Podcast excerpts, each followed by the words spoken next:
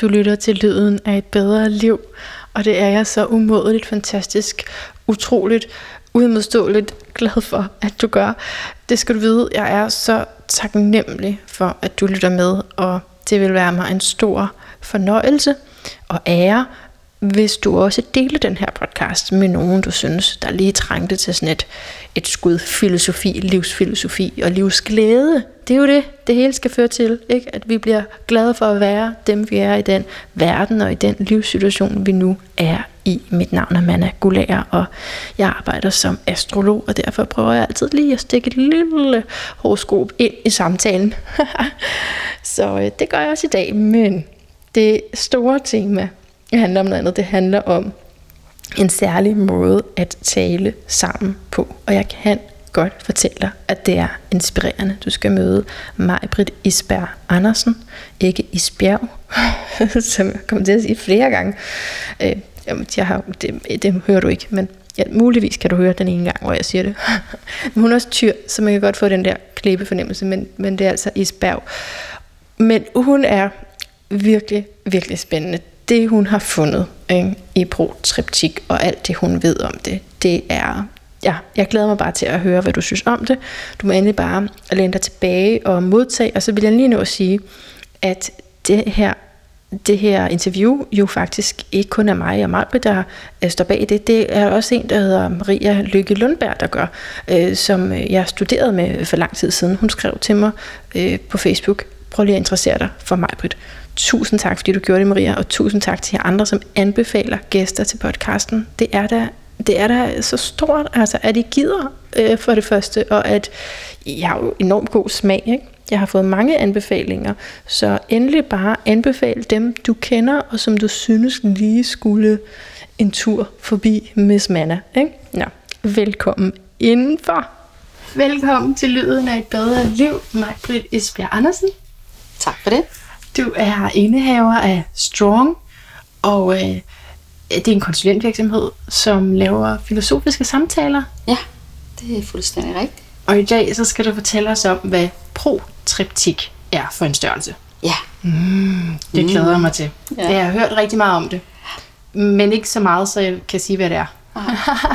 det vil jeg lade dig om. det tager jeg mig af. Ja. ja. Kan du øh, sige lidt om sådan kernen i protiptik og det, du laver? Ja. Altså, jeg arbejder jo øh, faktisk udelukkende med filosofi. Ja. Og med filosofiske samtaler. Så øh, kernen er jo, at mennesker kommer til mig, fordi de faktisk gerne vil blive klogere på sig selv. Men øh, filosofien har en anden kant end coaching, så øh, det er en anden måde at spørge ind til, end hvis man kommer til en coach-samtale. Men det er en måde at udvikle sig selv via refleksioner. Og det er blevet enormt eftertragtet at komme til den slags samtaler. Altså førhen, der øh, tror jeg, at 80% af dem, jeg havde, de kom, øh, fordi de skulle have coaching, mål, resultat, hvad skal vi opnå, hvad for nogle handlingsplaner skal vi lave. Det er lavet om. Det er sådan, så folk faktisk rigtig, rigtig gerne vil filosofere. Så det er en af, af kerneområderne, jeg har i virksomheden. Og så har jeg uddannelsen, hvor jeg uddanner en andre i at kunne øh, protriptere. Ja. Ja, og det hedder protriptik. Ja. Så jeg sagde det næsten rigtigt. Det var næsten rigtig ja, godt. Ja, det, det er meget det, flot. Jeg er glad ja. for et syvtal. Ja. ja. Men jeg elsker det. Du laver altså at få mennesker til at tænke og tale mere filosofisk. Mm. Egentlig så er det der filosofi også sådan, i dag måske blevet, bliver betragtet som sådan lidt luksus, og noget man kun kan gøre, når man går på en, et bestemt studie, eller hvis man har meget tid til overs. Mm. Men du tager det så ind på arbejdspladsen. Ja, det gør jeg. Altså, jeg, øh, altså det, det, jeg tror, der er væsentligt i det her med at tage det ind på arbejdspladsen, det er jo, at, at lige pludselig så er det gået op for rigtig mange ledere, at protreptik kan være et meget værdifuldt redskab. Altså dels er der det, at det, det kan udvikle ens selv som menneske, men det kan også udvikle ens lederskab, plus at man får en hel masse lederkompetencer og kommunikative værktøjer til at egentlig arbejde med sine medarbejdere, mm. eller være med til at understøtte dem på en anden måde, end, end coaching gør. Jeg tror faktisk, det er derfor, det har fået sådan lidt en renaissance protreptik, at øh, der er mange, der har opdaget værdien i redskabet. Mm. Ja, og hvad er det så? Jamen, det er så et spørgsmål. Øh, eller vi kunne også stille det op i forhold til coaching. Ja. Hvad er det i forhold til ordinær coaching? Ja. Hvor man sådan guider folk mod et mål. Det er det her, du gerne vil opnå. Hvad gør vi så for at få det derhen? Ja, lige præcis. Ja, altså jeg er jo selv uddannet øh, coach, og det var egentlig det, det, der udsprang i, at jeg startede min egen virksomhed, fordi jeg tænkte på det her coaching, wow, det var bare helt fantastisk, og jeg så noget rigtig godt i det. Og øh, øh, da jeg så fandt protreptik, øh, så fandt jeg bare noget, som, øh, som var anderledes. Fordi når man coacher, og vi forestiller sig, at jeg er din coach, ja. så sidder jeg jo egentlig bare her, og så stiller jeg dig nogle spørgsmål. Jeg mener det ikke nedladende, for jeg er faktisk ikke imod coaching, for jeg synes også, det kan være et fantastisk mm-hmm. redskab. Mm-hmm. Men det er bare en anden måde at arbejde på som coach. Altså der vil jeg gå ind og sige, hvad er din udfordring? Hvad, hvad for nogle problemstillinger har du? Hvad er vigtigt for dig at tale om i dag? Øh, hvad for et mål ønsker du at opnå? Kan du fortælle lidt om den situation, du er i? Hvad ønsker du egentlig fremadrettet at opnå? Så laver man handlingsplaner, man laver deadlines. Mm. Hvad skal du være opmærksom på? Hvordan skal du nå det? Og så videre. Og har vi to så en aftale Sådan er det, er det med coaching. Mm, det vil sige, okay. det er sådan meget målstyret. Det er simpelthen det, så kan man bare skrive ned, du sagde, og fill in the blanks på sig selv. Det, det, det, ja. det lyder som om, du kender det meget, meget godt, ja. coaching. Ja. ja, altså jeg synes, det er, jeg synes jo, det er et godt redskab. Ja. Man kan sige, hvis der er, man har nogle øh, øh, virksomhedsmæssige udfordringer, så kan det nogle gange være væsentligt at, at lave mål. Så mm. jeg er ikke modstander af coaching. Jeg ser det blot som endnu et redskab. Ja. Øh, men det er meget målstyret, og det er ikke en dialog, fordi det er faktisk mig, der stiller alle spørgsmål. Det vil sige, at du kan godt føle nogle gange, at du sidder lidt i den der røde varme stol mm. og bliver grillet. Ikke? Øhm, og og det, er, det er lidt sådan, coaching er. Men hvis nu, at vi har en portrættig samtale os to, så kunne jeg tage et begreb op. Jeg kunne sige til dig, i dag vil jeg rigtig gerne øh, tale med dig om øh, respekt. Ordet respekt. Ja. Og så går vi simpelthen på opdagelse i det her begreb. Det vil sige, at samtalen øh, protreptisk er væsentligt anderledes, fordi man undersøger begreber. Man finder ud af, hvad, hvad er det egentlig, det her det betyder. Øhm, og, og har du respekt over for dig selv? Har du respekt over for andre? Hvad er modsætningen til respekt? Hvad, øh, hvad ligger du egentlig i det her begreb? Okay. Og hvis nu du har, har sådan lidt en modsætning, der hedder disrespekt, jamen øh, behandler du så andre med disrespekt? Hvad med i forhold til dig selv? Så, så det er sådan meget filosofiske spørgsmål. Og samtidig så kan man sige, at samtalen den afsluttes ikke med en deadlines eller med en handlingsplan. Vi to har en aftale. Ja, lige præcis. Så afslut, hvordan afsluttes den så? Den afsluttes tit i et tomrum.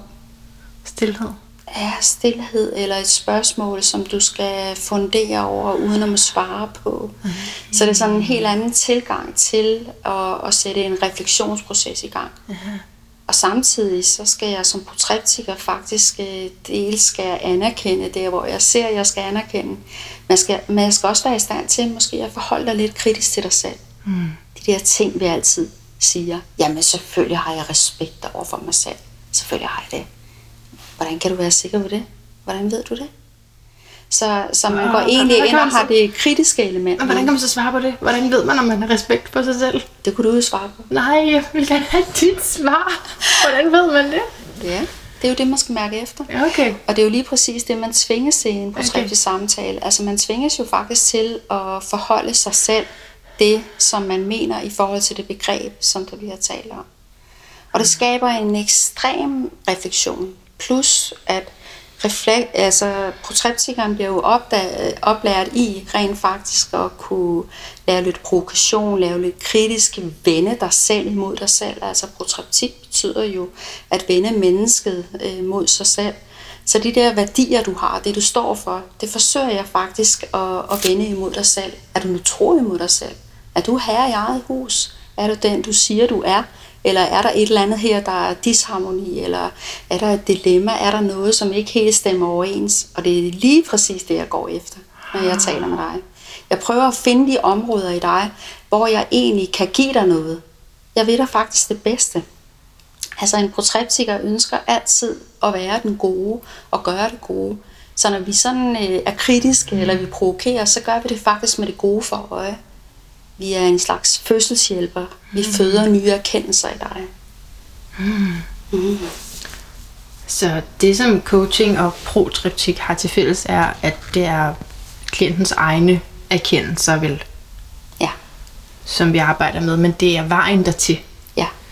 Der er anderledes. Ja. Og øh, i din øh, seneste bog, som jeg sidder med her, du har en ny lige på trapperne, mm-hmm. øh, er der også øh, spejlvendte billeder og titler, og så netop med den der pointe, at det bliver vendt imod os selv. Altså, men er det dig, der reflekterer det imod mig?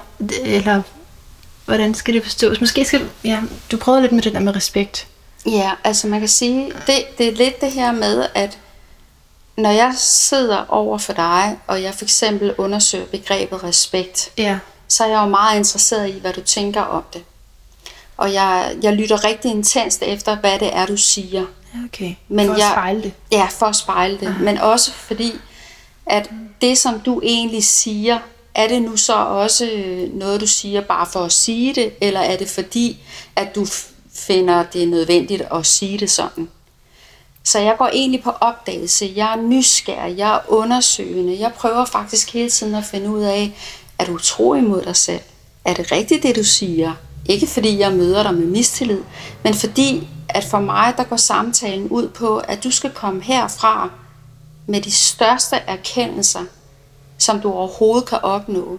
Så det kræver faktisk meget af en portrættiker overhovedet at være i den her rolle og gå ind og, og give dig det bedste. Ja, det Men det er det, der er mit fokus. Mm. Det er det, jeg ønsker. Mm. Ja. ja, det må det gøre. Man skal være meget lydhør. Lytte til, hvad ja. der bliver sagt. Ja, og måske også være intuitiv. Altså det her med at fornemme et andet menneske. Ja. Men det er også, også at hjælpe et menneske på vej. Det er også en dannelsesrejse. Ja, for, for begge?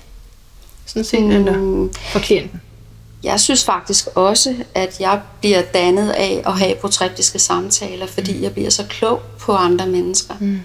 Øh, og det der med at møde et menneske åben og nysgerrigt, uden fordomme, men egentlig prøve at høre, hvorfor tænker du, som du gør? Mm. Hvorfor handler du, som du gør? Okay, okay. Hvorfor er du egentlig den, du er? Det er jeg meget optaget af. Åh, oh, det elsker jeg det spørgsmål. Hvorfor er du egentlig den, du er? Ja. Det kan man jo ikke bare spare på. Så må man sådan af omvej finde ja. ud af det. Ja, men det er også derfor er protreptik, altså når man går til protreptik, så går man jo i nogle sessioner, øh, hvis man ikke er under uddannelse, så er man jo, øh, hvor man kommer sådan øh, drøbvis. Ja. Og det gør man jo egentlig, fordi man i bund og grund får, øh, får øh, arbejde med sig selv, og man ligesom får en større bevidsthed om, hvem er jeg? Ja. Øh, man kan sige, hvis, hvis jeg sådan skal komme med et eksempel, så kan man, man kan forestille sig, hvis man har et puslespil, og jeg siger, nu skal du komme til en portrættisk samtale hos mig, så tager vi den puslespilsbrik, der handler om respekt, og så undersøger jeg den her brik for dig. Og når du så kigger på den igen, så kan du faktisk ikke genkende den helt. Fordi der, hvor der før var et hul, der er begyndt at ske et eller andet. Så når du skal lægge den igen i dit puslespil, så passer den ikke rigtig ind. Hvad kommer så? Ja, så må du tage en ny, Nå. og så må vi undersøge det. Det hele skal op. Ja, det hele skal op. Ikke? Og, og det er jo ikke terapi, det her. Mm, men det er selvfølgelig en forholdning til, hvem du er som menneske. Det lyder, som om det fungerer terapeutisk. Ja, jeg, jeg, tror, jeg, jeg tror, at det gør sådan, så jeg giver dig noget med hjem, som du er nødt til at forholde dig til. Ja. Så på den måde forholder du dig til, hvem er du som menneske. Ikke? Mm. Mm. Det eneste, jeg lige sidder og tænker, jeg har tilbage af spørgsmål i forhold til samtalen, det er, at det er jo godt, man kommer tilbage igen, men det er stadigvæk den dagsbevidste person, der kommer tilbage. Jeg tænker på, at det er begrænset, hvad man kan svare på i den, forstår du, hvad jeg mener, i den bevidsthed, mm. øh, hvor der kunne ligge noget dybere under. Mm. Tager det højt for det, protriptik?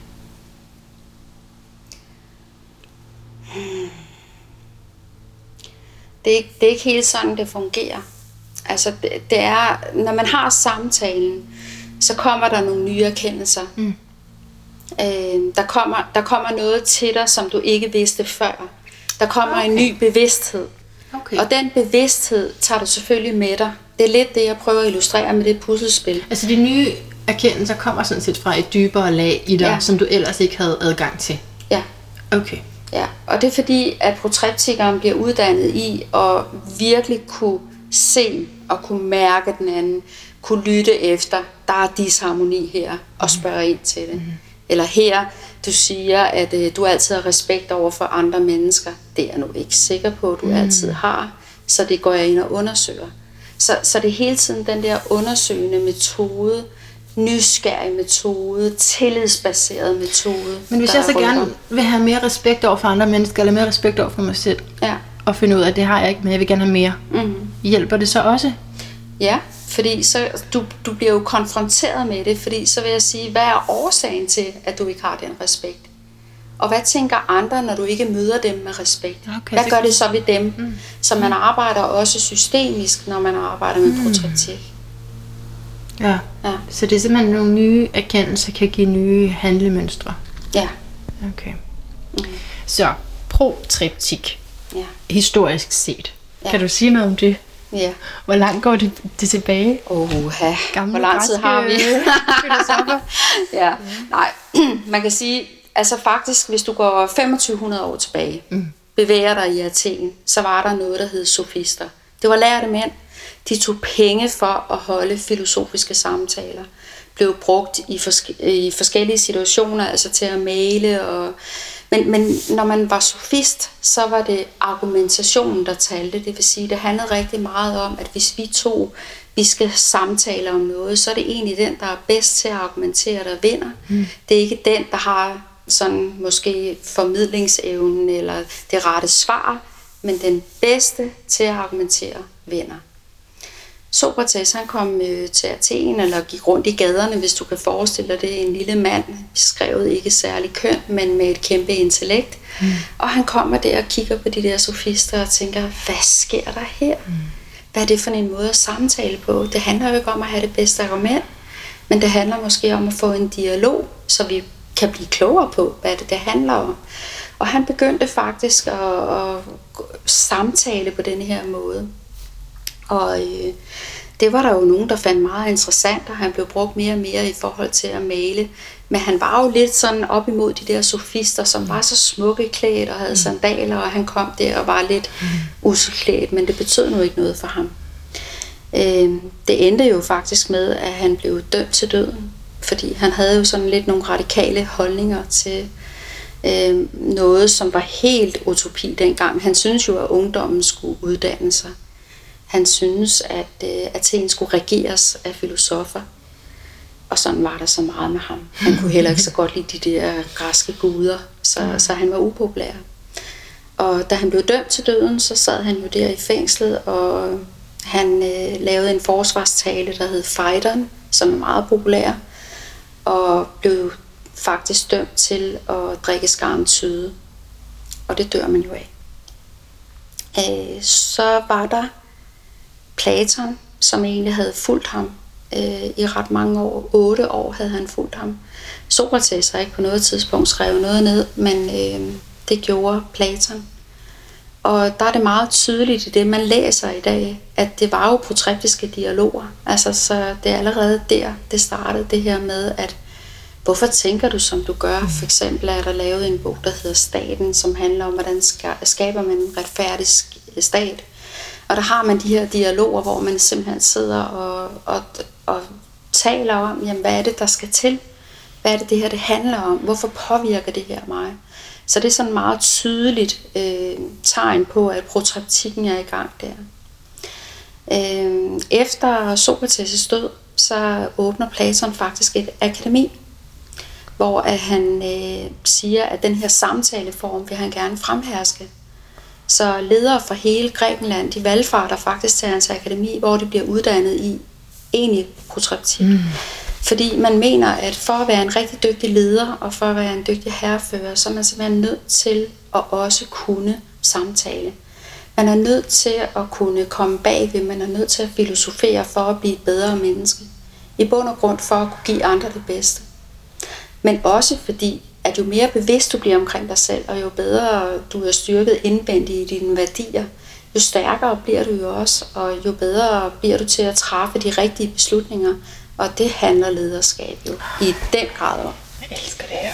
Ja, og så skete der jo det, at øh, øh, Aristoteles faktisk øh, tilstøder akademiet, da han er 17 år. Og han er faktisk i Platons akademi i 20 år, men de bliver meget uenige, fordi de grundlæggende har nogle forskellige opfattelser.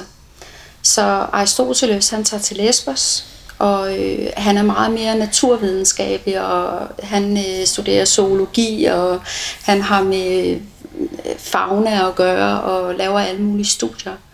Faktisk øh, kommer Alexander den Store, jeg tror han er 12-13 år, han kommer i lære under Aristoteles. Øh, og det gør han simpelthen, fordi han skal, han skal lære det her med at være herre i eget hus. Så han gennemgår så mange samtaler med Aristoteles for faktisk at blive et menneske, for at blive en, øh, ej, ikke et menneske, det var nok lidt forkert sagt, men simpelthen for at blive bevidst omkring, hvem, han, hvem er jeg? Og blive dannet. Og blive dannet. Det er jo en dannelsesrejse, ikke? Så det er meget smukt, øh, og Aristoteles han tager tilbage til Athen, han åbner faktisk sit eget akademi, der hedder Løgion. Så han laver også sin første bog, hvor man ser protreptik egentlig blive, øh, blive nævnt. Øhm, Så den tager han med ja, fra Platon af? ja, det gør han. Okay. Ja. Så det har jo også været en rejse, øh, en udviklingsrejse. Så hører man egentlig om protreptik frem til 1800-tallet, og så slutter det sådan ligesom der. Og øh, Hvorfor gør de det? Jamen, det, jeg tror, det har noget med tiden at gøre. Ja. Altså, øh, der, der, så hører man ikke så meget om protreptik. Og Ole Fogh Kirkeby, som jo er den store øh, skaber, ja, det er han i den grad, og er skaber af protreptikken, ja. den nye protreptik, mm. som man kalder det. Han, øh, han fandt det jo igen, og så tænker jeg på, der er jo et eller andet her. Det her med at dannes via refleksive øh, samtaler. Det her med at kunne skabe noget nyt i andre mennesker, det har en særlig værdi. Og så gik han på opdagelse i litteraturen, og ved et tilfælde laver han en portrættig samtale og finder ud af, hvor stor en værdi det har for et andet menneske. At man faktisk kan forandre et helt menneskes liv alene med, med en samtale. Og så starter det. Mm. Og det var tilbage i år 2000. Ja, Ja, her til lands. ja, Mm. ja. Ja, og hvor du møder det så, hvad, 10 år senere? Jeg møder det i 2010, Ja. og øh, bliver, bliver gjort det bekendt via en veninde, jeg har, som siger, at hun har været til et eller andet foredrag, hvor der sad en stor mand på en scene, Ja. og så sad han bare der og lavede noget, som han kaldte protreptik. Ja. Og hvad var det for noget? Og hun blev bare så nysgerrig. Majbet, Majbet, Majbet, det skal vi simpelthen se. Det, er- det, det er helt revolutionerende, det jeg har mødt her. Jeg, jeg ved ikke, hvad der sker i den samtale. Men man sidder ikke og snakker om problemer, men man sidder og forholder sig det, til det menneske, man er. Og det bliver båret så smukt af portrættikeren. Hvad er det, der sker? Øh, og så tænkte jeg på, jeg skal bare lige skrive til Ole Fogh Kirkeby, så gjorde jeg det, så sagde jeg, jeg skal uddannes af dig. Det er i orden, og så var jeg i gang. Så tog jeg uddannelsen. Ja. Ej, jeg, jeg, kan ikke tænke på noget bedre, end at man kan få lov til bare at snakke om sig selv. det er jo også det, man gør i astrologien, ikke? Det er Ja. jo også, hvad ligger der i dig? Bare Ja, på en anden måde. ja, så det, det lyder så spændende, det der. Ja, ja. Det får jeg helt lyst til at prøve. Nå, men eksistentielle samtaler. Ja.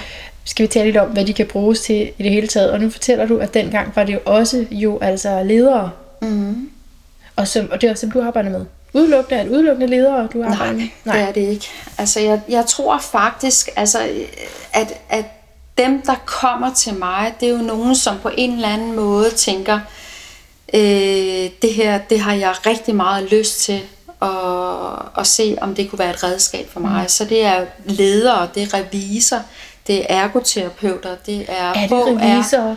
Også revisor. Fordi så er der håb for fremtiden. Jamen, det er jo det. Hvis der var nogle flere revisorer, der gjorde det, ville vi simpelthen have, vi ville simpelthen have en bedre verden, Majbrit. Ja, det er rigtigt. Nå, ja. undskyld. Men jeg tror, jeg tror faktisk, at hoved, altså, hovedaktionærerne er ledere. Mm. Men der er også kommet andre grupper til. Og, og jeg tror, det er lidt det der med søgen på os selv, eller selvbevidstheden, ja. eller øhm, hvad kan man sige, hvis, hvis jeg giver dig en, en gren og siger, nu skal du plante den, hvor du vil, så har du jo et ønske om, at den her gren, den skal sættes i jorden et sted, hvor den også kan slå rødder. Du vil også gerne have, at den får blade, og du vil også gerne have, at den måske bliver det smukkeste, smukkeste træ. Men det kræver jo noget. Ja. Det kræver en dømmekraft. Det kræver øh, noget intensitet. Det kræver noget viden. Det kræver noget omkring dig selv. At du lige præcis får plantet den den rigtige sted. Så, øh, så prototip... Altså, man plantet ja, i hvad? Jeg skal lige forstå. Jorden. I jorden. jorden. Altså, at du, at du har den rette dømmekraft. Og det er uanset om du er revisor, eller du er ergoterapeut, ja. eller hvad du er, så ønsker vi jo i bund og grund som mennesker at have det kendskab til os selv. Øh, den styrke, vi har i os, er jo sindssygt vigtig. Ikke? Når jeg lige slår ned på dem, så er det en fordom og en generalisering. Ikke? Men, men det, og det er jo ikke godt. Det er jo ikke godt. Det bruger jeg jo aldrig. Hvis du spurgte mig i en samtale, det vil jeg jo aldrig sige Nej. om mig selv, at jeg bruger. Nej. Men det gør så lige nu, tilfældigvis. Men pointen er, at jeg oplever, at nogle mennesker kan være så utrolig rationelle og sådan orienteret mod denne her verden, så jeg slet ikke kan blive opfanget af, fordi jeg er meget verdensfjern på nogle områder. Mm. Så det var egentlig det. Men det er vel så sådan, man kan mødes, altså møde hinanden, nærme sig hinanden igennem sådan en samtale der. Mm. Kan man have protriptisk parforholdsterapi? Kunne man forestille sig det? Mm. Ja, det, det tror jeg sagtens, man kan. Altså, hvor man egentlig går hen og siger, hvad for nogle værdier har vi i det her parforhold. Jamen noget af det, der er væsentligt i vores forhold, det er, det er tillid. At vores forhold er baseret på tillid. Så kunne man jo faktisk godt have en samtale omkring, hvad, hvad tillid betyder. Og jeg tror, at det her med, at man i tale sætter et begreb over for hinanden, det gør også, at man er nødt til at lytte til, hvad den anden tænker. Og hvis man formår at åbne, altså i forhold til at være øh, neutral, eller være nysgerrig, være åben, eller være sådan meget søgen på, nå, hvad kan der ligge bag ved det? Hvorfor tænker du, som du gør? Og lad være med at have de der fordomme. Mm. Så tror jeg faktisk, man når rigtig, rigtig langt. Ja, du skal bare lade være at have fordommene. ja, det er jo, det, altså, det er jo, det er jo et, af, et af elementerne i prostratik, at vi skal være nysgerrige på fordommene, i stedet for at, øh, at øh, sige dem højt. Ikke? Så prøv at gå på opdagelse, hvad er det, det her det handler om. Ja. Så måske skal vi tale lidt om de metoder, mm. du bruger ja. i en samtale. Ja. Altså fordi, jeg kan jo godt sige til dig, nu skal du ikke have nogen fordomme. Men det er jo svært. Mm. Så sådan veje derhen. Ja. Hvad kunne det være? Jamen veje derhen, det er, at jeg kan prøve at give et, et, et eksempel fra en af mine portrættiske samtaler. Ja. Jeg, øh, jeg har en leder, som kommer hos mig, og vi skal have et begreb, der hedder aggression. Og øh, det skal vi så samtale om, og det viser sig i den her samtale, at den måde, han ligesom bruger hans vrede og hans aggression på, det er enormt forløsende for ham. Det vækker et eller andet i mig som portrættiker, fordi mm. sådan har jeg det slet ikke. Mm. Jeg er slet ikke nærmest vred, eller mm. har aggression i mig. Men så sidder der et menneske over for mig og siger, det er det mest naturlige. Så i stedet for og sådan smække ham af banen og sige, det gider jeg nærmest ikke at høre på, så prøver jeg at blive nysgerrig på, hvorfor tænker du, som du gør? Hvorfor er det her nyttigt for dig? Hvad giver det dig, når du har den her aggression? Så jeg går faktisk ind i det, i stedet for at fjerne mig fra det. Og det betyder, at når vi er færdige med den her samtale, så har jeg fået noget med ham, hvor jeg tænker på, det kan faktisk i nogle situationer være ret nyttigt at være vred. Mm. Og han lærer af mig at trække vejret, og nogle gange lige observere, og lige vente lidt. Det kan også være nyttigt.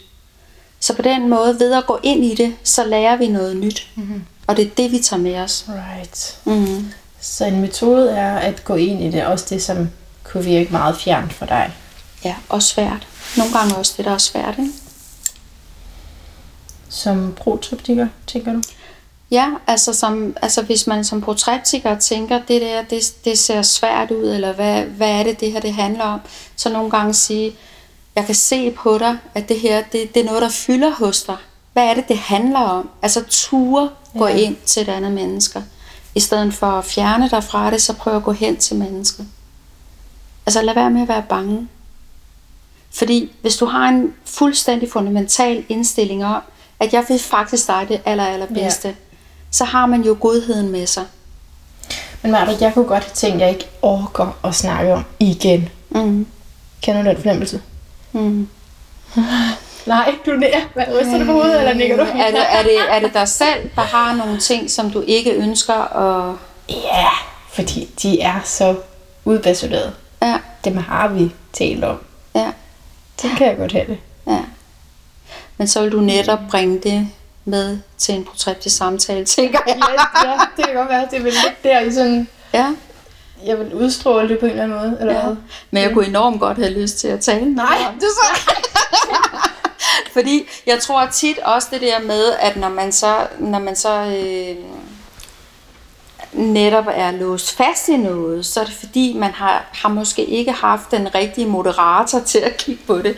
Altså det der Okay. med at få et menneske til rent faktisk med andre øjne at gå ind og sige, hov, Okay, så det du siger, det er, hvis jeg har en selvfortælling, der bliver ved med at køre, mm-hmm. så er det fordi, jeg ikke har haft den rigtige fødselshjælper. Muligvis. Jeg kan, ikke være, jeg det. kan jo ikke give dig garanti, men, jeg, men jeg tror, det handler om det. Jeg tror, det handler om, at der er nogen, der ikke rigtig tør sige sandheden til dig, eller der er nogen, der ikke rigtig tør provokere dig, hvor de skal, eller øh, hjælpe dig til en større forståelse. Og det er det, protreptikeren kan. Ej, okay. Nej, men nu sidder jeg bare og tænker, øj, der er mange emner lige pludselig, som det kunne være nu. Nævn i flæng. nu har jeg lyst til at snakke om det hele. hvis det er noget, der, hvis jeg potentielt kan ændre det. Ja. Øhm, skal, skal jeg lige prøve at komme på noget? Altså, en, en gammel selvfortælling, Mm. som min lytter har hørt på før, det er, at jeg har et stort ønske om at blive radiovært. Mm. Eller noget i den stil. Ja, Jeg sender det åbent ud til universet. ja, Radiovært eller noget, der er bedre, siger jeg til universet. ja. Og jeg har hele tiden oplevelsen af, at jeg er et mikroskopisk lille medie i forhold til alle de andre store, og så bliver jeg jaloux. Det er noget, jeg har gentaget mange gange. Ja. Og så tænker jeg, nu skal jeg også holde op med at snakke om det. Men hvad, hvad er egentlig dit ønske ved at blive radiovært? Hvad er det, du vil med det? At der er flere, der kan sidde og høre på, for eksempel når du kommer ind. Ja. Og så er der flere, der hører det. Men der er jo noget inde i dig, der ønsker det her. Mm. Hvad er det? Hele mig. Det må man ikke svare. Ja, men der er også, men der er også, der er også en værdi, der er i spil her, er der ikke? Åh oh, jo, en værdi. Jo. Øh, en værdi. At blive hørt. Kan det være en værdi? Ja, det kan det sagtens. Altså at blive hørt og blive set. Ja. ja. Du har et budskab, ikke? Ja. Ja. Ja. ja. Og det er en ret god fornemmelse. At, at blive set og blive hørt. Ja. Og det er jo det, du gør nu. Ja. Er det en svær en? Det synes jeg ikke, det er. Men der ligger mange lag i det. Ja. Ja, der ligger mange lag i det, fordi det handler også om, hvorfor, øh, hvorfor du så ikke kommer derhen, hvor du skal. Præcis. Det er det. Ja. Og det kunne man jo meget vel gå på opdagelse mm. i protreptisk. Ja. Mm. En lille teaser til mig. Ja, okay. Ja. Så, det, er så sådan nogle ting, som man har siddet fast i længe, og nærmest ikke overgår at snakke om mere. Der er altså noget at hente her. Ja, der er også nogle gange, vi laver sådan en selvopfyldende profeti. Vi tror, vi sender ud, at vi gerne vil, men i bund og grund, så laver vi jalousiblokering, eller vi Må laver et eller andet. Ikke? Må man sagtens være. Men det kunne være interessant at tage et emne som jalousi op, portrætisk Ja. ja. for eksempel. Ja. For hvad er det, der ligger i det? Ikke? Og jeg tror at nogle gange, så tror jeg også, at vi som mennesker måske blokerer noget for os selv. Fordi det er jo ret tydeligt, at du har alle egenskaber til at blive en fantastisk studievært. Så jeg tænker også på, hvad er det så, der gør, at det ikke sker? Men øh, det, det kunne man virkelig gå på opdagelse i. Blandt andet med begrebet jalousi. Mm. Det, det, det synes jeg, vi skulle starte med Ja. en anden gang. En anden gang, ja. Ja. Ja. Ja, okay. Skal jeg, det skal jeg lige ud af den igen. ud af jalousien. Noget af det, der står på mit papir her, det er, hvordan man finder frem til sine værdier. Mm. Og det var også det, du spurgte mig om ved det her eksempel. Så spørger du, hvad for en værdi ligger der i det? Er det sådan, du arbejder, at hele tiden prøver at finde, hvad det er for nogle værdier, folk beskriver? Faktisk så, så prøver jeg aldrig nogensinde at finde folks værdier. øhm, men de kommer bare til at skinne igennem. Ja. Så, så hvis, altså der, der er to eksempler her, fordi det ene det er, når jeg uddanner portrættikere, så øh, tager, man, tager jeg dem jo ind til nogle samtaler. Det er en del, et led i uddannelsen, hvor jeg ligesom skal udfordre dem portrættisk. Den allerførste samtale kunne for eksempel handle om din stemme, Ja. hvor jeg går på opdagelse i, hvad er det for en stemme, du har? Hvordan lyder du? Det er jo sådan meget aktuelt her. Mm. Øhm, og hvad er det, du siger, når du siger noget? Kan du lide din stemme? Hvornår kan du ikke lide din stemme? Oh. Og hvad med din indre stemme? Hvad siger det? Ja. Så nogle spørgsmål stiller jeg, og så går jeg på opdagelse i, om der er overensstemmelse mellem den ydre og den indre stemme. Men du rører jo kun ved mig. Og sådan ved jeg godt, at det jo er. Det hele, det er i hvert fald det, jeg prøver at forholde mig selv til, det er, at jeg holder mig selv fast på, det er, at min indre virkelighed er det, der skaber det ydre. At ændringerne skal ske ind i mig, for at det ydre sker. Men du kunne godt komme med en person, og det kunne også godt være mig, som sagde, det er dem der derude. Ja. Ikke? Så hvorfor skal vi snakke om min stemme? Jeg har et problem i den ydre verden. Ja. Men det er fordi, at når vi snakker om din stemme, og hvad det er, den betyder for dig, og hvordan du lyder, og hvordan din indre stemme har for et udtryk, så kommer der automatisk nogle konflikter imellem den indre og den ydre. Det har en betydning for dig, det du tænker, og det der sker, når du skal snakke, for eksempel. Og lige præcis den der forskellighed, eller den der disharmoni, der kan være, det er et opmærksomhedspunkt, som du tager med dig. Så tit, når jeg har de der portrættiske samtaler, så er det faktisk dem, der gør, at man løser de problemer, som du peger på lige nu. De ting, som ligger derude, de har noget at gøre med det, du fortæller. Fordi du fortæller ikke mig noget, med mindre det har noget at gøre med din virkelighed. Der er også mange, der siger til mig, at man behøver ikke at komme med alle de der problemstillinger, man kan bare gå til portrættiker. Ja, fordi det, du tager op, det er lige præcis det, der rører sig i dig. Og så tager du det bare som et begreb, og du løser problemet. Selvom vi ikke snakker om problemet, så bliver det løst alligevel. Fordi det rører helt eksistentielt noget i dig. Wow. Så, så det er den ene måde, jeg arbejder på. Den anden måde, jeg arbejder med værdier på, det er jo, at dem, der kommer hos mig, som gerne bare vil købe portrættiske samtaler, der kan jeg egentlig enten tage et emne op, som jeg tænker, det kunne være interessant at arbejde med. Men det kan også være, at de selv har en værdi, som de har lyst til at arbejde med. Jeg sidder ikke og laver et værdilandskab, fordi det har jeg, det har jeg ikke behov for. Der er heller ikke nogen, der kommer hos mig og har behov for at lave et værdilandskab. Men jeg prikker jo ved værdierne. Jeg rykker jo ved værdierne med de spørgsmål, som jeg stiller. Så jeg kunne gå derfra med nye værdier. Jeg tror slet ikke, du går derfra med nye værdier, men du går derfra med en bevidsthed om de værdier, du har. Okay.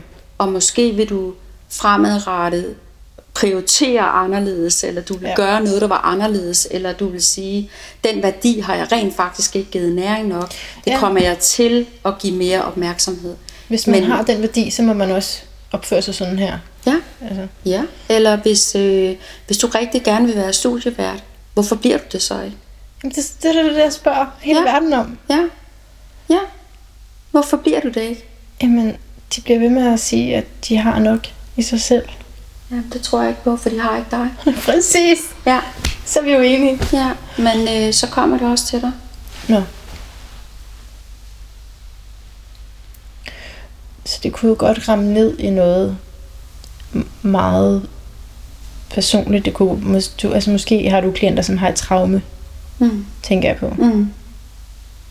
Fordi jeg har et gammelt traume med at blive holdt udenfor. Mm.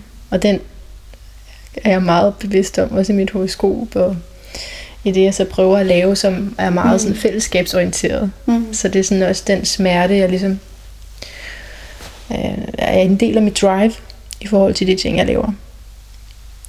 Men kan det blive for følsomt til sådan en samtale der? Protriptisk samtale? Ja, det kan det sagtens blive, fordi altså, du rammer jo ned i noget, som er eksistentielt, uanset mm. om du ved det eller ej.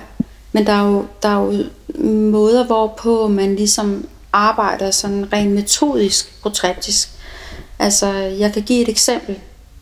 Jeg sad med en, som, øh, hvor vi sidder og har den her samtale, og pludselig så siger hun til mig, øh, jeg har faktisk passet min far, fra jeg var ganske lille, og han var dybt alkoholiseret. Mm. Så jeg har hentet øl til ham, og jeg mm. tørret hans opkast op, Nå. og hun fortæller alle de her ting. Og det kommer jo i anledning af det, vi taler, og fordi vi har den fortrolighed, og vi har det ekstreme nærvær, vi har, så er det jo også en tillidserklæring, at hun rent faktisk fortæller mig, selvom det er ude af kontekst, men alligevel har det jo noget med hendes historie at gøre. Mega meget. Og den måde, jeg griber det på, det er, at jeg siger til hende, det, det gør mig virkelig ondt, at du har oplevet det her. Og så spørger jeg hende rent faktisk, om hun nogensinde har fået hjælp til at få kigget på det. Fordi jeg er ikke terapeut, Okay. og jeg arbejder ikke terapeutisk. Okay. Og jeg kan ikke påtage mig den rolle. Nå, Jeg kan stille spørgsmål, men jeg kan ikke det andet. okay. Så derfor så, Fint. så ved at gribe hende nænsomt eller kærligt, eller, eller hvad man nu kan bruge af begreber, så prøver jeg lidt at sige til hende, har du fundet en vej? Så siger hun, jeg er, jeg er faktisk i gang hos en psykolog. Okay. Så det, det er jeg bare så glad for, fordi det her, det er, det, det, det er virkelig noget, der, der gør ondt på dig, kan jeg se. Så der anerkender man egentlig, at hun dels har tilliden til mig til at sige det, men jeg finder også en vej for hende, og hvis ikke hun havde haft en psykolog, så ville jeg jo have spurgt, om ikke det kunne være en rigtig god idé, at hun prøvede at arbejde med den del. Men er der en grænse der? Ja, der er en helt klar For grænse for, hvad prototyper. jeg skal gå ind i. Ja. Ja. Fordi Okay. jeg, jeg skal ikke ind i et felt, som jeg ikke kan operere i. Nej. Og det synes jeg er vigtigt. Også respekt for psykologer, som jo virkelig er uddannet i og kan takle den her slags ting. Protreptik handler jo ikke ind at gå, eller handler ikke om at gå ind i det felt, men det handler jo lige præcis om at udvikle dig som menneske på nogle andre parametre, kvad de begreber eller værdier, som du bringer op. Men jeg skal ikke det andet. Men du kan ikke, du kan ikke have en protreptisk samtale, og så ikke blive rørt. Det er jo det, der er hele meningen. Det er det. Det går Ja. jo dybt. Ja. Altså faktisk så blev Sokrates' øh, spørgsmål, eller man, man kaldte det lidt det her med at blive stukket af en giftig rokke, fordi han kommer ind, og så gør han sådan her, fordi han, han prikker til dig, så du på en eller anden måde er nødt til at tage vare på dig selv. Du er nødt til at gå ind og tage dit eget liv alvorligt. Ja. Og det er det, spørgeteknikken kan. Men den skal ikke ind og arbejde med traumer. Det gør vi et andet sted. Okay. Mm. Du må gerne komme til mig med traumerne. Ja. Jeg kan alligevel se dem i horoskopet. Må jeg godt ja. kigge lidt på dit horoskop nu, Majbrit? Uha, jeg er spændt. Ja, det må du godt. Nu skal vi se dig. Så, du er jo tyr. Men det vidste du godt. Har du følt dig som tyr? ja. Ja, du kan godt genkende det, der er beskrevet ved tyren omkring, øh, altså at være sådan en, en klippe for andre, være en god støtte, være meget stabil, mm. og værdsætte, værdsætte materielle ting, der gør dig tryg. Og naturen. Mm. Naturen er en kæmpe del. Nærvær, nuet. Det er sådan noget, man kan, og, og nydelse, at spise mm. god mad. Mm. Også noget, man kunne lægge til tyren. Men så har du den så i, Ja, du har den i 10. hus sammen med dit livsformål, og det er karrierehuset.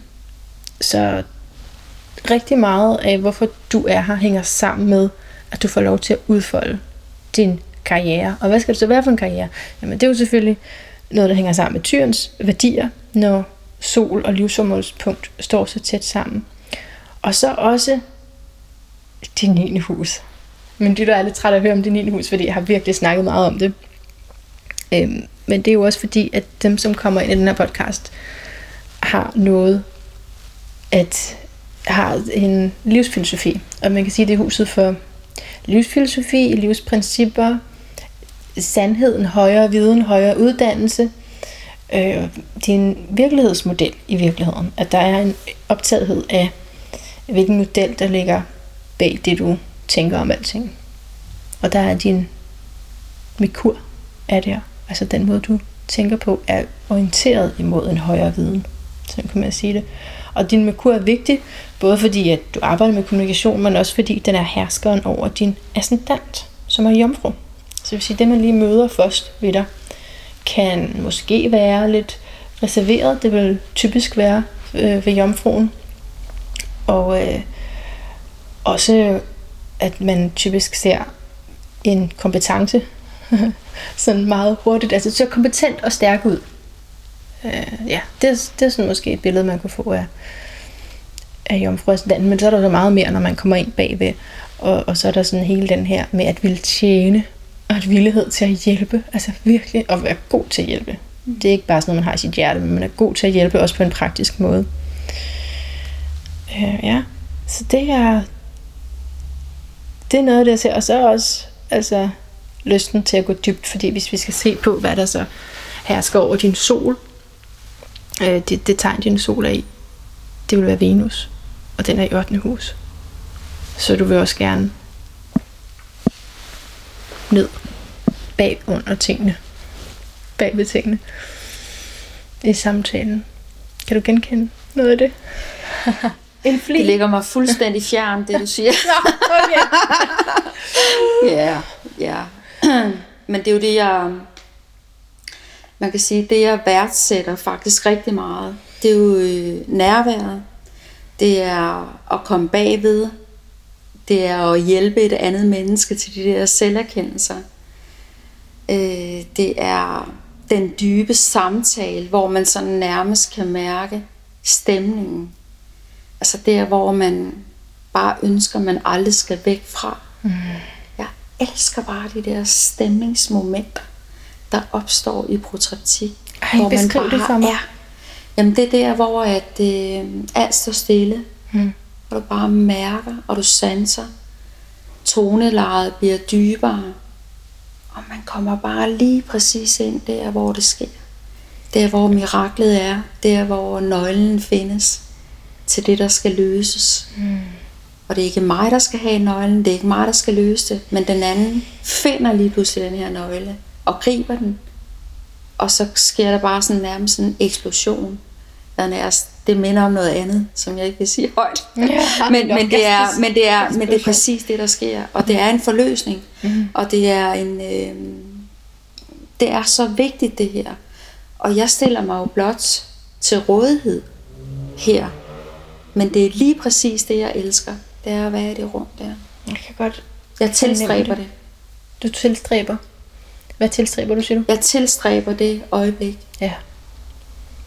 Er det sådan en fornemmelse af at være på sporet? Altså at være... Åh, den er lige ved at komme, den der erkendelse, og så kommer den. Ja.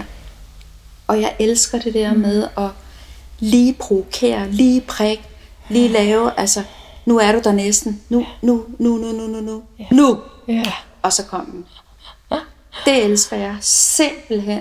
Der, hvor de, hvor de sidder, og deres ansigtsudtryk, hele deres krop, hele deres mimik, den der måde, som de lige pludselig får den der erkendelse på, som bliver så meget og afslører deres eget bedrag. Mm.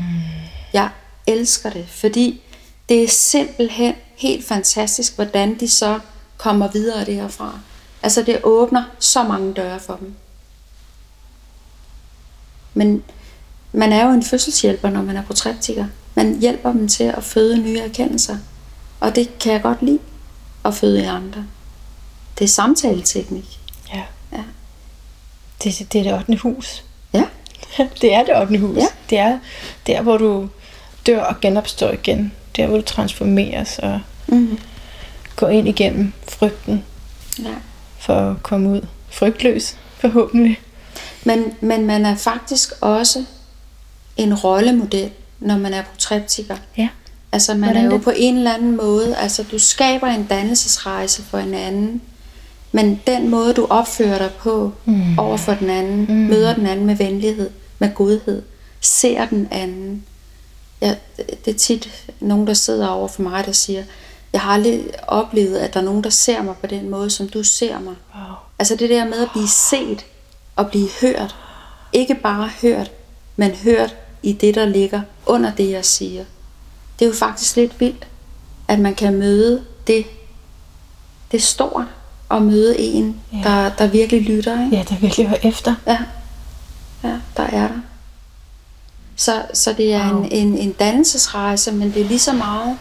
Jeg ser mig jo også som, som en, der, der på en eller anden måde kan få andre til måske at adaptere det, jeg selv gør. Altså man bliver på en eller anden måde, så bliver man jo også en rollemodel, som andre tager med sig. Mm. Jeg siger tit, at protreptik, det bliver sådan en øh, dominoeffekt. Fordi den måde, man egentlig meget høfligt og respektfuldt er over for et andet menneske i den protreptiske samtale, det tager man jo med sig videre frem. Så når lederen først begynder at starte på de her samtaler og kommer tilbage i deres organisation og sidder og skal samtale med deres medarbejdere, mm, oh yeah. så bliver der en efterabning, eller der bliver sådan en, det der, det var faktisk ret vildt, den måde du lyttede til mig på, det vil jeg prøve at gøre også i mit lederskab. Og så bringer man det egentlig med sig. Så det bliver sådan en dominoeffekt. Øhm. Det er de der spejlinger, tænker ja. jeg på. Ja. At både at man i samtalen vender klienten mod sig selv, og samtidig så, ja, så er det så ringe i vandet, at ja. det tager man med videre, den ja. teknik. Ja. Og at man at jeg også ser dig som pro-triptiker, at jeg, at jeg, jeg ser den måde, du tænker på. Ikke? Ja. Du får jo egentlig indirekte redskaber til selv at, at tale og samtale anderledes, når du kommer tilbage ja. på din arbejdsplads.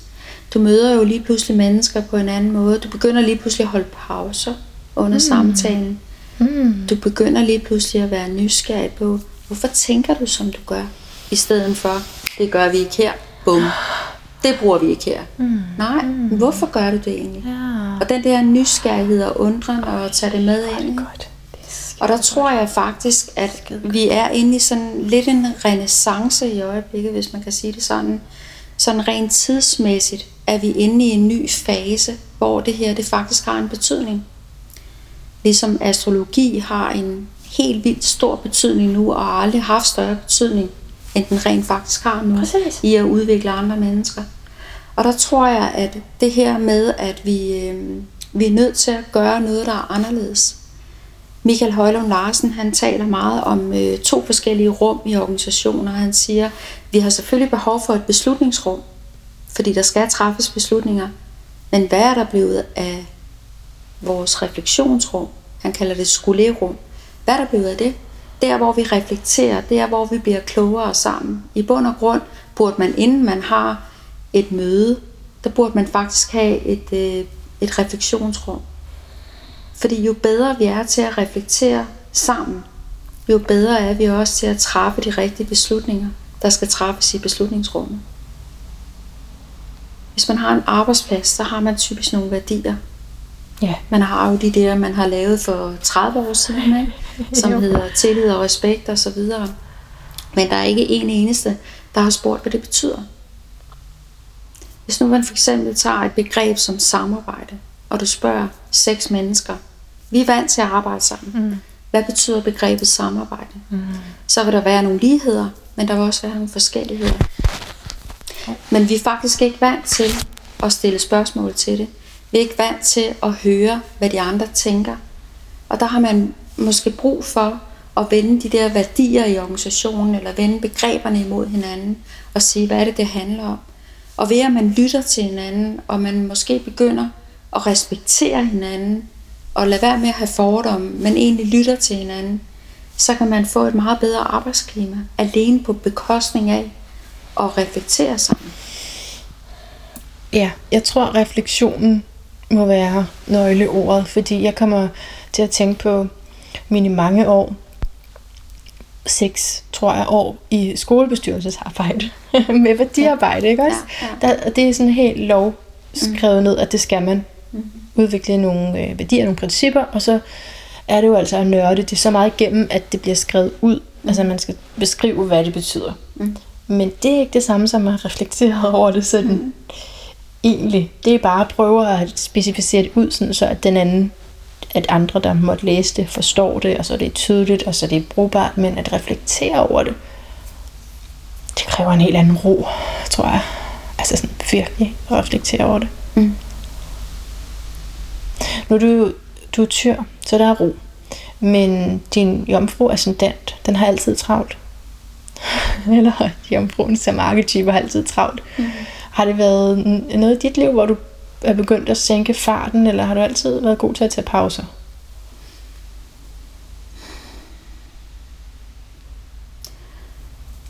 Jeg ved ikke, om jeg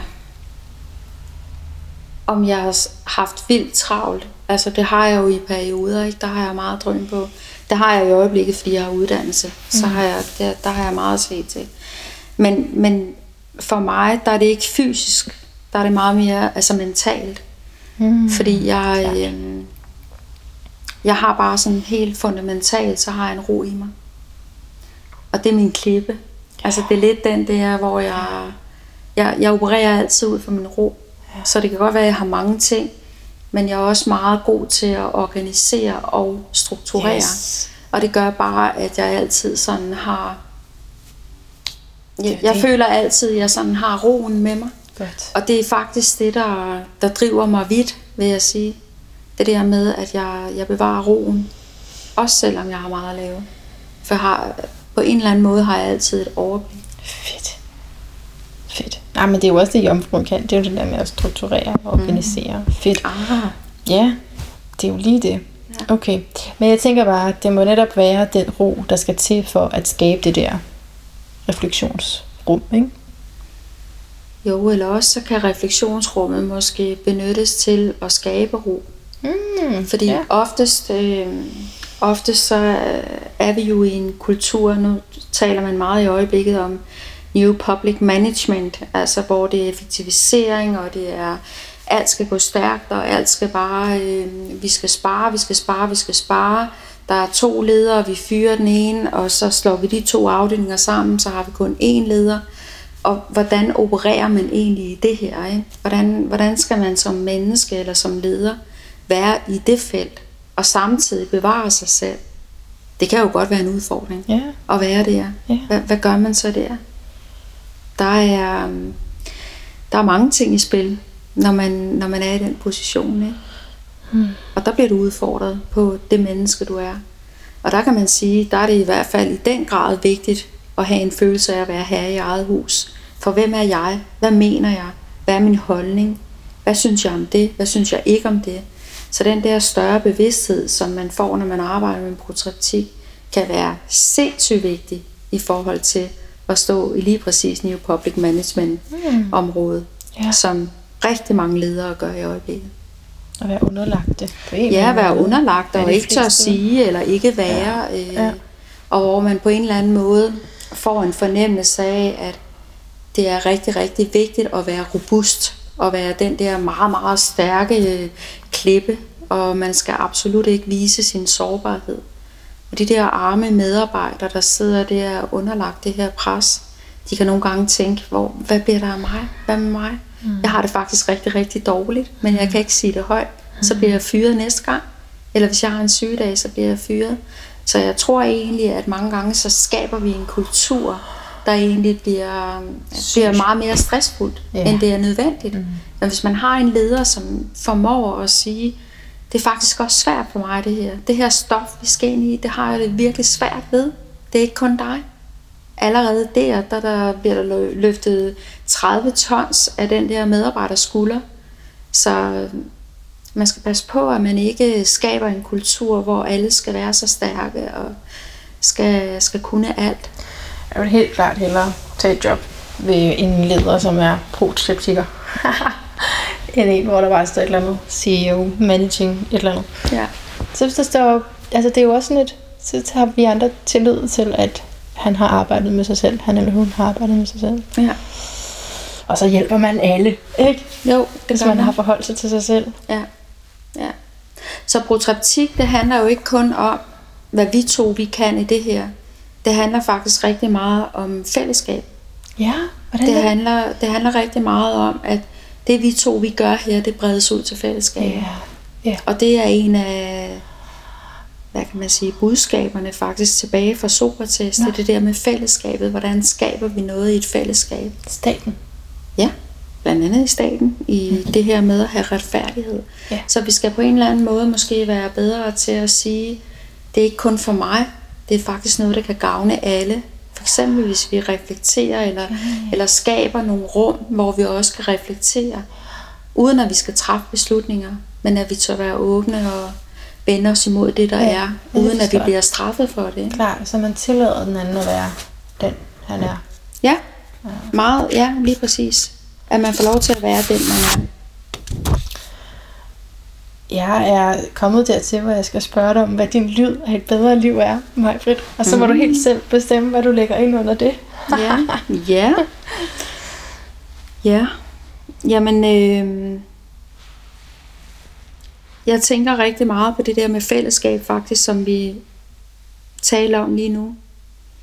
Det der med, at øh, dels så er vi, er vi her for hinanden, men vi er faktisk også afhængige af hinanden. Og øh, jeg kan ikke være her, hvis ikke du ser mig. Du kan ikke være her, hvis ikke jeg ser dig. Så vi er nødt til at være, være dem, der hjælper hinanden og lytter og ser hinanden. Og man skal også se den, der ikke har evnen til at række ud.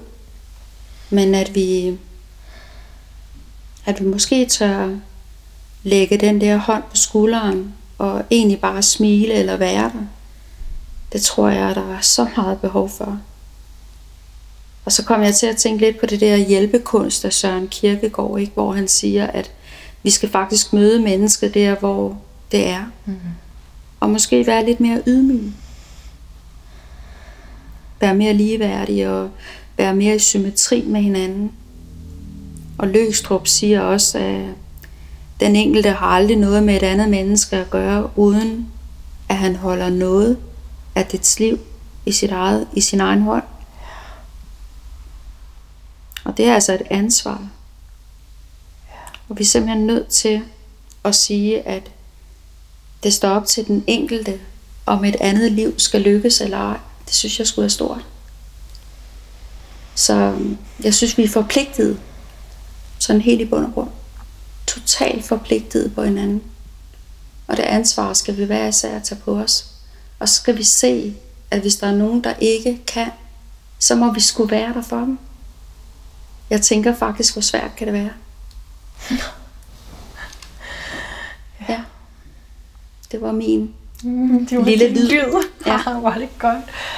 Ej, jeg kan høre stolen i 10. hus med Saturn og pligt, og, men på den allerfineste måde, hvor det handler om at tjene andre, og at alle får lov til at være, som dem bliver. Har du rigtig hørt? Okay, godt nok. Helt rigtigt. Tusind tak, Maja, for det her kæmpe, fantastiske, spændende felt. Protreptik. Siger jeg stadigvæk her? Ja. Ej, hvor pokker det. Protreptik. Jamen, jeg er dårlig til at lære nyt, jo. Altså, der er ingen, der kan det her, så det skal du ikke tænke. Det er helt Jeg normalt. føler, jeg, siger, jeg føler, jeg siger det rigtigt, men så siger du, at jeg ikke siger det samme som dig. Prot- protreptik. Pro. Pro-reptik. Treptik. Ja, det er rigtigt. Hold da. Ja. Protreptik. Åh, oh, man skal bare trække den der. Pro-treptik. Ja. Pro-treptik. Ja, protreptik. Okay. Ja. Thank you so much. Og jeg vil også takke, fordi jeg blev inviteret ind. Mm. Mange tak. Af hjertet tak, fordi du lyttede med til den her samtale, og fordi du er blevet med mig helt til slut. Jeg må sige, at øh, jeg er meget positivt overrasket over, hvad det her protreptik de kan. Og jeg er lykkelig over, at der sidder nogle revisorer og topledere derude og interesserer sig for, hvem de egentlig selv er. Forholder sig til deres egne værdier i det her refleksive rum. Fordi værdiarbejde, det er jo en gammel nyhed. det er jo old school, ikke? at man skal ligesom have nogle formater, og det skal stå på en hjemmeside sådan. Men det der med, at der bliver skabt et rum til også at sige, hvad er mine private, personlige værdier, og hvordan kan jeg så leve dem ud på min arbejdsplads og i mit liv i det hele taget. Altså det er at selvforholden. Selvforholden, ikke? Jeg har jo det her ord, selvkundskab. Det kan jeg ret godt lide, ikke? Og det, der, der kunne man godt lige have en linje, hvis nu det var en skole. Hvis man havde, altså hvis det virkelig var et fag, selvkundskab, så skulle en af linjerne der helt sikkert være protriptik. Det synes jeg, ja, det er umådeligt godt, og det var også fedt egentlig at mærke, at mig, Britt, øh, også er en øh, spirituel type. Jeg skulle til at sige spirituel fisk, men hun er jo ikke fisk, men hun har dog noget i fisken. Og det har man jo øh, altid som jomfru, eller hun er ikke jomfru, men det har man altid som øh, jomfru ascendant, fordi så har man jo descendanten, så tiltrækker man sådan nogle weirdos som mig, som er højspirituelle. spirituelle.